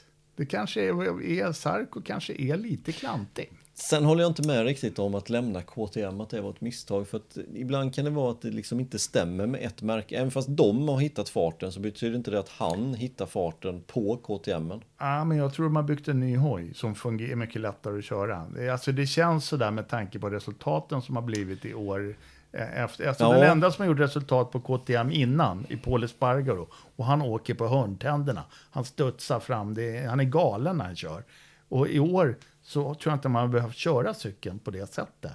För man har fått in Pedrosa bland annat som test. Ja, alltså, jag, tänker jag tror att cykeln är, är helt annorlunda. Så jag tror att Sarko inte suttit surmulen i depån utan lett lite mer och kört klart säsongen så hade han nog lyckats på KTM, precis som de andra år. Det är vad jag tror. Ja, jag, jag tror dock för hans skull, nu säger jag inte att det är bättre generellt sett, men för hans skull så tror jag att han sitter i en bättre position till nästa år med fabriksmaterial i Pramac Ducati. Mm, han Det är har haft lite flyt där också. Ja, mycket flyt. Ja, dit. eller flyt och flyt, han har ju presterat. Det har ju inte Rabatt gjort på en cykel med samma tankdekaler på i alla fall. Men, men sen ifall de är likadana under, det vet jag inte. Men ja, årets klant. Ja, du fick Ja. in mycket där Sander. Ja, ja, ja, det blev många Ja, bubblor. Det Men känns nu får du det köra nästa då Tobbe. Det här var min svåraste punkt faktiskt. Jag tycker det, det, det Jag är tyck, svårt vet du, det med- var min också, svåraste punkt. Var det? Jag visste inte riktigt vilken jag skulle ta. Jag, jag tog en till. Vilken tog du? Nej, och jag, jag vet inte om jag är så nöjd med det här heller. Jag, det enda jag kan tänka mig, och det kopplar jag till också till eh, KTM, eh, Paul Espargaro. Eh, och det känns inte korrekt på ett sätt, för han kör ju och gör en bra säsong. Men han lyckas ju inte knyta ihop säcken någon gång med det här med att ta en seger. Och det om, om han då ska förtjäna att vara årets klant för det. Jag, Nej, men- lite så här, jag blir lite, jag, jag är lite svajig i den här utnämnandet. Jag förstår vad du menar Tobbe, för att han är den som har suttit längst på KTM-cykeln och borde vara den som först skulle briljera för märket. Inte Brad Binder och inte Oliveira. Nej, och inte Oliveira två gånger. Så att jag, jag håller med dig, klantigt, men ja, han, och, och sen också att han lämnar KTM nu. Dessutom. Det kan också vara årets klantigaste Ja. beslut. Det, han kanske Tack. gör Lorenzo Tack. på, på Repsol Honda nästa år. Inte alls kommer överens med cykeln. Tack Sandy. Ja men då får han stå kvar där. Men jag är ändå sådär, svår, svår rubrik tyckte jag. Jag förstår tankegången. Ja, vi går vidare då. Eh, Och så, ja men jag vet inte, Mårtensson har, ja, han är han, kvar. har, har du inte varit Ja, med? nej, klanten har inte tagit. Du ni har ju tagit allihopa Ja, ja, redan. ja, okej. Nej, men jag har faktiskt en helt annan. Jag tänkte lite annorlunda än vad ni gjorde. Och jag tänkte mer lite, som lite företagsmässigt. Har skrivit eh, Yamaha. Yamahas debacle med sina ventiler. Det tycker jag är årets, vem det nu är, men någon är det ju som har varit klantig. Någon har skött den där titanlegeringen i ventilerna. Ja, Ja. dåligt. Mm. Ja. Ehm, och eh, vi har ju pratat om det många gånger här, vad som gick fel med det. Men de bytte leverantör, den ena leverantören ska inte leverera. Då verkar ju den nya fabrikanten eller nya märket av företaget av de här nya ventilerna inte riktigt har skött sitt och kontrollerna därefter hos Yamaha inte varit eh, de bästa. Och gjorde ju faktiskt, jag vet inte om detta ensamt gjorde att inte Yamaha vann förmästerskapet i år, men åtminstone en stor bidragande orsak. Ja, det blev bara 13 poäng till slut. De, Morbidelli. Till Morbidelli som hade ett haveri dessutom från just en fjärde plats tror jag han låg eller tre. Han hade säkert blivit två i det där racet. Så utan den där i, i Jerez 2, ja vad hade hänt då? Mer effekt i hojen andra race, vad hade hänt då? Ehm, ja, plus att de blev ju faktiskt av med 50 poäng i märkesmästerskapet. Så att Ja, jag, jag kan sträcka mig lite längre nu då när du har sagt så. så jag kan nästan säga att det förstörde att de inte vann märkesmästerskapet och att de inte vann eh, Förmästerskapet. förmästerskapet. Ja, nej, då, då ligger den där högt. I totalen nu. Då smäller den klantigheten högt. Svår rubrik ändå. Svår rubrik. Nu går vi vidare. Nu tar vi årets rookie, Sandy. Eh, Brad Binder. Helt solklart. Alltså, han tar KTMs första seger helt otippat. Så att, eh, han är både årets överraskning hos mig och årets rookie. Är det någon som säger emot? Nej. Nej. Nej, faktiskt inte. Nej. Det finns ju bara tro, tre rookie att Ja. välja på, ska vi komma ihåg. Det är Ja. Brad Binder, det är Alex Marquez och det är Iker Lecuona. Och ehm, jag tycker också Brad Binder, även fast jag inte tycker att det är så givet. För att Alex Marquez, två race på Aragon, eller ena racet på Aragon och på Le Mans är också... Det, det skulle också kunna komma in i den överraskningen Mm. att Alex Marquez blir tvåa i regnet på Le Mans. Vem hade kunnat tippa det? Och vad blev han i torrt där på... Två. Ja, det är Två. två där också. Och han var ju, alltså han var ju så nära på att vinna. Mm. Det var inte, alltså något varv till där så hade han snuvat rins på den där segern. Succé. Nej men jag hade Så också det- Binder där. Jag har Binder, men hård konkurrens med Alex Marquez ändå. Tycker Mar-. Marcus, ska vi komma ihåg, han vann mästerskapet 2013 i Moto 3 tillsammans med sin bror vann ju MotoGP för första gången. De hoppar ju runt där tillsammans. 2014 var det. 2014 var det till och med. Eh, och sen så gick det inte så bra under några år i Moto 2-klassen. Han var ju liksom, Han tog någon seger per säsong sådär. gjorde han till och med det inledningssäsongen? Nej, kanske inte om han första, inte men- var sådär. Och, men, men han lärde sig där, så att jag tror han kommer lära sig det här också. Och, och, så att jag vart inte jätteöverraskad över resultaten.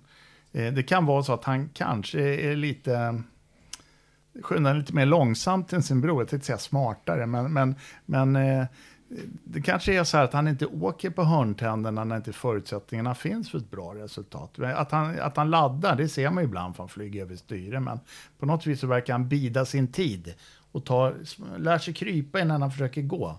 Och, och så känns det lite grann. Och så känns det inte som... Eh, det bekommer inte honom så mycket att ena helgen kommer han tvåa och nästa helg kommer han sjua. Utan han, eh, han, jobbar ser på. längre fram. Mm, han Han jobbar har på. siktet inställt för en VM-titel om tre, fyra år kanske. Kommer ni ihåg när vi satt här, nu pratar vi Alex Marquez, men fortfarande årets rookie så har vi alla tre var Brad Binder. Men om vi pratar lite Alex Marquez, kommer ni ihåg när vi satt, jag tror till och med du var med Sandu, när vi satt inför säsongen. Så sa vi, hur kommer det gå för Alex Marquez? Då sa jag, kommer jag ihåg, att han kommer slå Kyle Crutchlow i mästerskapet. Ja, nu hade Crutchlow en rätt pissig säsong och var skadad och allt möjligt, men hur slutade det? Ja. Han slog. Han gjorde ju det. Ja. Så jag tycker han har gjort en bra säsong. Alltså det, det är som jag sa där med Binder, det är... Det är, det är jämnt skägg skulle jag säga, men kanske lite övertag för Binder. I och med att han vann helt oväntat. ja. KTMs första seger och överlägset. Och en till grej för Binder, det var ju det här, det skedde ju lite under radarn där, men han var ju faktiskt eh, lika snabb som täten i Jerez redan, Ja. första racehelgen. Och det var ju då, oräknat hans avåkning där, så hade ju han alltså varit i fart med Quartararo som var överlägsen.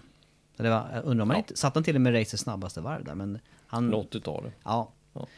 Hur som Nej, helst, vi var var eniga. eniga. Det var, det var ju första vi var eniga på, eller? Ja, nu tar vi nästa. Årets fight. Mm. Sandu. Ja, det var helt klart Österrike 2 när eh, det går axel mot axel ut i första sväng och Oliveira snuvar dem. Alltså, eh, ja, alltså, jag satt inte ner i soffan hemma kan jag tala om. Sonen och jag, vi bara skrek liksom. Eh, det var lite Silverstone eh, förra året för mig det där.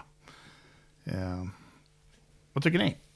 Ja, jag håller, jag håller med i sak att det var ett otroligt spännande, otroligt spännande avslutning där på det racet. Och på något vis så... Där tror jag inte att jag var så förutseende i själva kommenteringen. Men det kändes ju just med Oliveira som är så analytisk. Han, han befann ju sig, han såg ju till att vara på rätt ställe. Och de andra två där i täten kändes ju lite som att det här kan gå lite hipp som happ. Ja, båda När- när- skulle vinna, det, det Båda. fanns ju bara på agendan. Eh, Och vad Miller gjorde det snyggt där alltså. Han, han gjorde ju exakt så som Dovi gjorde året innan på Marquez. Men då hade ju bara de två sig själva att slåss mot. Ja, så att säga. svårare situation nu med tre. Nu var det en till där som drog nytta av att, att Miller inte tog spåret riktigt. Ja, det var bara en härlig Ja, Ja, avslutning. jag, Ja, jag, det. valde, jag valde faktiskt en annan, eh, jag valde en annan fight som, jag vet inte om den blev lika, inte på, inte på det sättet riktigt drama, lika dramatisk, men det var väldigt många eh, ändringar i position på sista varvet och det var Valencia mellan Morbidelli och Miller.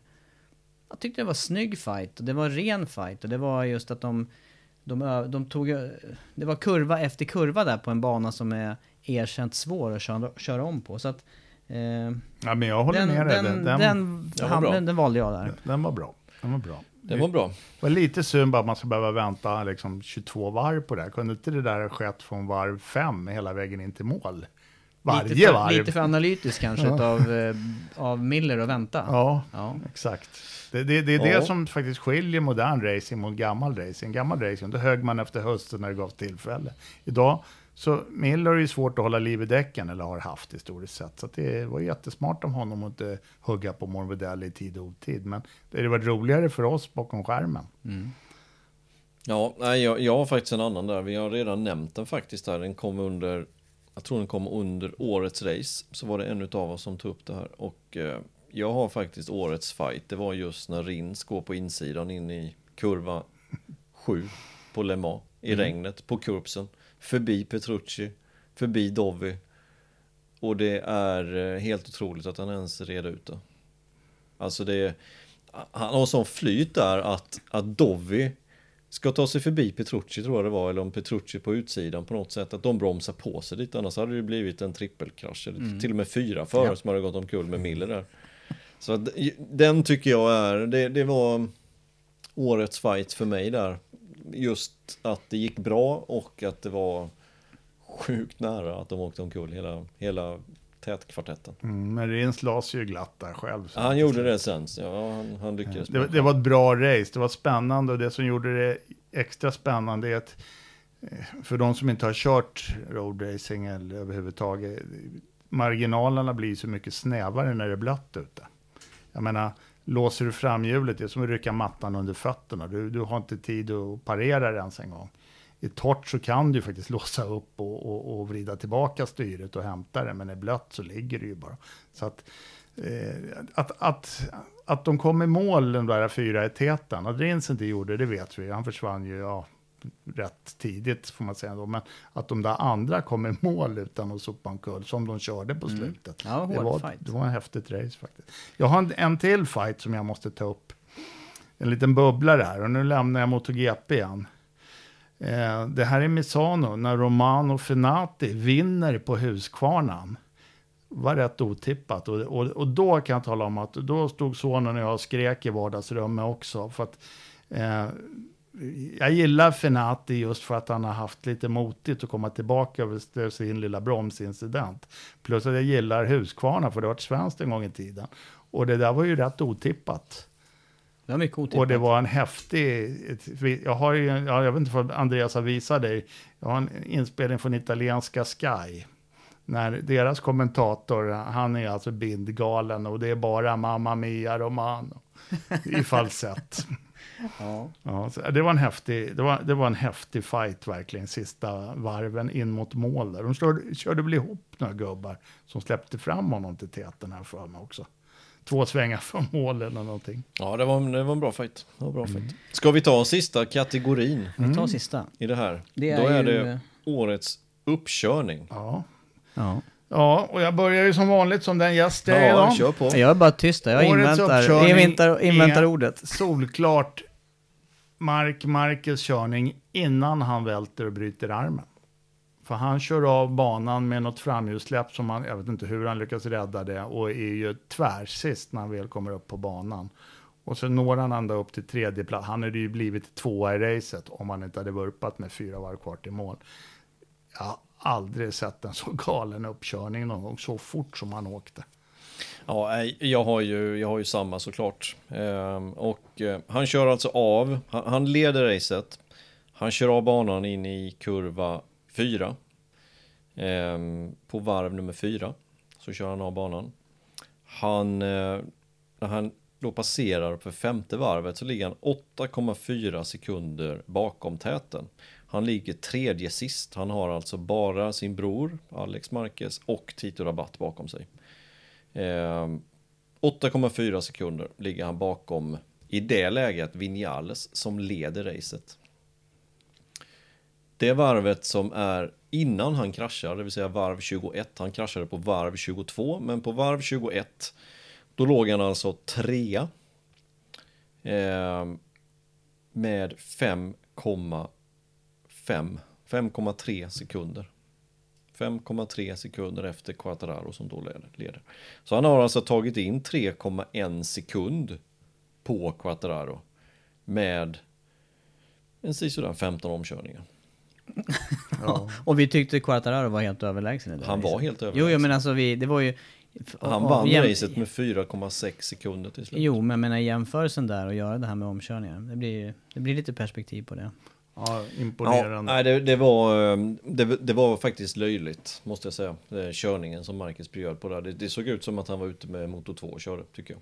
Det var, ehm, var helt enormt. Eh, nu gick det ju inte hela vägen in i mål heller. Men, men han låg trea när han kraschade. Han låg precis bakom Vinales och det var ju bara någon sväng. Sen hade han varit förbi Vinales också. Det var ju som hans uppkörningar just i Moto 2-eran där, när han eh, startade med friläge på Motegi ett år och när han eh, Start. körde upp sig från sista i Valencia eller vad det var. Ja, han, han slog ju i någon före, om det var Corsi eller någonting sånt där på träning och fick som straff att starta sista Valencia. Sista racet han körde i Moto 2 där 2012. Körde Sista upp sig. Suter-segern tror jag. Ja. Ja men ni, det här, nu blev jag lite tyst där, för jag har ju valt, eh, nu har jag gjort som Sandy jag valde två andra spår här. Du körde två andra spår. Ja, men för mig är det, jag får lämna min och Sandys här då. Marquez uppkörning Jerez 1 är ju fenomenal. Vad har du för fenomenalt att bjuda på Tobias? Ja men nu önskar jag att jag hade samma... Nu måste du smasha in den här. Ja, nu måste jag smasha in den här. Jag valde överst där, men där, jag, hade, jag hade behövt ha de här eh, exakta siffrorna på det. Men, men eh, den kom så oväntad, den uppkörningen. Och då är vi inne på det här Le Mans-racet igen. Då var det Alex Marquez. Så det var bro, brorsans uppkörning där. Jag vet att han startade långt bak. Sen har jag faktiskt inte koll på hur långt bak han låg tidsmässigt. Men det var ju mycket som stack ut med den uppkörningen. Att den skedde på regn. Han hade ju begränsad regntid på den cykeln. Och eh, ja, det var ju, som Sandy var inne på här, just att göra det i, eh, de förhållanden när vi vet att det är verkligen, man, man balanserar på ett knivsägg i, i det vädret. Eh, så att det, den valde jag spontant då vid min eh, genomgång, eller när jag tänkte tillbaka. Och sen så hade jag faktiskt en till där och det var Mir. Johan Mir, både hans poängunderläge från starten på säsongen, då blev det som en slags uppkörning. Och sen skulle jag ju faktiskt vilja ha fram statistik på vem som har gjort mest omkörningar i år. Och då är, jag vet att han har startat långt bak i de flesta race men slutat högt upp. Så jag tänker mig att han kan vara en av de som har kört om flest för under säsongen. Och då var det årets uppkörning. Men eh, ja, just fartmässigt så är ju ert spår vassare. Ja, men du, du var inne på Alex Marquez och eh, nu har jag varit snabb med att googla här igen. Tack. Ja. Han, eh, han startade långt bak, det har du helt rätt i. Med startposition vet jag inte, men i vilket fall som helst så, så eh, efter första varvet så låg han 3,8 sekunder efter. Mm. Droppade sen och leg, låg 6,6 sekunder bakom efter sju varv. Då låg han alltså eh, sjua. Ja. Då låg han sjua och var 6,6 sekunder bakom. Sen började klättringen. Ehm, på varv 18 var han 1,6 sekunder efter. Ehm, och sen i mål då efter 26 varv så var han 1,2 sekunder efter Petrucci. Slutade alltså två. Mm. Så från 6,6 då på varv 7 till 1,2 på varv 26. Vass det är en bra uppkörning. Mm. Sen vet vi att det blir större tidsdifferenser där. Men han gjorde ju det här med, med begränsad eh, erfarenhet som sagt. Då. Men eh, just det racet var ju också Rins, eh, kom väl också långt bakifrån tills han la sig glatt. Men han hade i alla fall nått tätklungan Mm. fr- från att ha legat väldigt långt efter. Ja. Så att, eh, och, och Ja. Österrike hade väl Rins också någon fin uppkörning som han också la sig i. Då la han sig i ledning ja. Stämmer. Så att, äh, säsongen har ju varit väldigt underhållande och... Finns och, mycket att plocka av. Ja, faktiskt. Har vi plockat allt då? Jag vet inte, de här kategorierna på något sätt skulle sammanfatta hela året. Det känns som att vi har fått med de flesta stora händelserna. Kanske. Och även små då om vi tar den här siktskivan där. Ja, jo, det var en liten detalj som var väldigt avgörande för Millers race åtminstone. Ja. Ja, dramatik eh, och ja, ja, ska man, ska man ändå fastna med någonting då? Du var inne på de här otäcka krascherna med, med F1-kraschen med Grosjean i färskt minne så får vi ju säga att det måste ju ändå vara det, det kändes efter Österrike-helgen som att ja, det där händer en gång. Så bra kan det inte gå fler nej, gånger. nej, inte sådana saker. Nej. Sen har, har jag en, en personlig punkt som jag också vill ta i en åttonde här. Och där kommer ni hålla med mig bägge två. Årets flopp, vet du vad det är? Att Inte vi inte på- fick åka till Austin. Ja, ja. Vi hade biljetterna klara, vi har, vi har, väl fortfarande, vi har väl fortfarande ett eh, boende för 20 000 eller någonting. Ja, nu kommer brinna in alltihopa. Ja, det var tråkigt. Men vi får hoppas att den här eh, coronapandemin, alltså att vaccinet kommer och skyddar oss så vi kan öppna upp världen och att vi kan åka till Austin. Att det blir tävlingar överhuvudtaget där borta. Det kanske för övrigt Ja. var just årets överraskning, den här corona. När såg man det komma fullt ut egentligen? Nej, exakt. Det var ju inte ens, i, inte ens i januari kändes det som att det var Nej, aktuellt. alltså jag kommer jag kom ihåg racet skulle gå första racet 8 mars. Eh, första mars, då satt jag vid datorn, då skulle vi fortfarande åka. Jag kommer ihåg det här, först Mm. söndag den första mars så satt jag där och sen så fick jag ett mail, bara blippar upp och så står det MotoGP cancel in Qatar. Jag bara, okej, vi ska nog inte till Qatar längre. Så var det. Jag hoppas på en eh, utveckling i rätt riktning som du säger. Men eh, det är ju inte bara Austin som, om vi tar personliga delar som blev inställt. Vi hade ju både Formel 1 på Suzuka och MotoGP på Motegi som vi skulle till. Ja, för er Då skulle det... ju inte du vara med, Sandri, så det är inte men, din Men ni, flopp. ni skulle bo på samma hotell som jag bodde på, på uh, Ja. Suzuka faktiskt. Ja, det, ja. det var tråkigt. Det tar att vi ett annat år. Ja. Mm. Vi får ta igen det ett annat år. Men vi fick vara med om mycket. Mycket. Och jag är glad att det gick att genomföra den här säsongen. Jag, jag har tänkt många gånger under hösten här att undra om det går att köra vidare som läget är. Men man har ju matat på och eh, hållit det här. Förvånansvärt få fall ändå av smittade inom, eh, Vad inom vi har fått teamen. reda på. Ja, vad vi har fått reda på, exakt. Stora, om man ska säga stora personligheter. Mm, det har ju varit rigorösa kontroller. Jag har ju läst eh, Malle gjort inlägg som jobbar med Stigefeldts team om att han har haft tops upp i näsan vid säkert hundra tillfällen när han ska in och ut ur depån här under säsongen. Ja, det har varit många sådana här test som de som har varit på plats fått utstå. Men eh, vi hoppas väl på att vi får en, eh, kanske inte första halvan av nästa år, men andra halvan borde bli relativ normal får vi hoppas. Mm. Ja, det är det man får hoppas och ta sikte på. Ska vi lämna säsongen 2020 nu? Stänger den för MotoGP åtminstone. Ja, tror det. Men mm. vi kommer tillbaka med podden. Vi Ja. har lite Lång- frågor till exempel. Som vi, vi har fått in ett helt gäng med frågor. Men jag vill ha in ännu fler frågor. Lång podd har det blivit också. Man Ja, hinner åka här- till Nynäshamn fyra gånger fram och tillbaka om man ska lyssna på den här. Den här podden blev lång. Men i vilket fall så skicka in fler frågor som vi kan ta. Vi tänkte ägna ett helt avsnitt av bara frågor. Mata igenom. Och sen eh, har vi lite andra idéer på nästkommande episoder av MotoGP-podden. Så vi kan försöka hålla liv i den under vintern. Ja, Det ser jag fram emot. Ja, vi får, vi får se när nästa kommer i alla fall. Men eh, innan vi avslutar så måste vi tacka våra Patreons. Vi måste tacka alla som stöttar den här podden. Stort tack, ni gör att vi kan fortsätta podda och hålla igång det här så gott det går nu under off-season. Mm, kul att få vara med och jag hoppas att ni får fler lyssnare på podden också. Jag vet ju att det ökar varje gång, men det är väl för att folk sprider och rekommenderar det här lilla Det får forumet. alla gärna fortsätta med. Sprid och dela och eh, lyssna framförallt. tack Sandy och Andreas skulle jag säga. Tack Tobias och Sandy. Kul att jag fick komma igen. Vi hörs.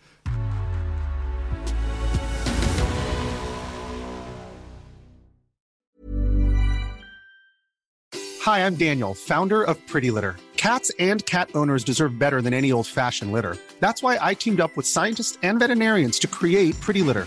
Its innovative crystal formula has superior odor control and weighs up to 80% less than clay litter. Pretty Litter even monitors health by changing colors to help detect early signs of potential illness. It's the world's smartest kitty litter. Go to prettylitter.com and use code ACAST for 20% off your first order and a free cat toy. Terms and conditions apply. See site for details. Hold up. What was that? Boring. No flavor. That was as bad as those leftovers you ate all week. Kiki Palmer here, and it's time to say hello to something fresh and guilt-free. Hello Fresh. Jazz up dinner with pecan-crusted chicken or garlic butter shrimp scampi. Now that's music to my mouth. Hello Fresh. Let's get this dinner party started. Discover all the delicious possibilities at hellofresh.com.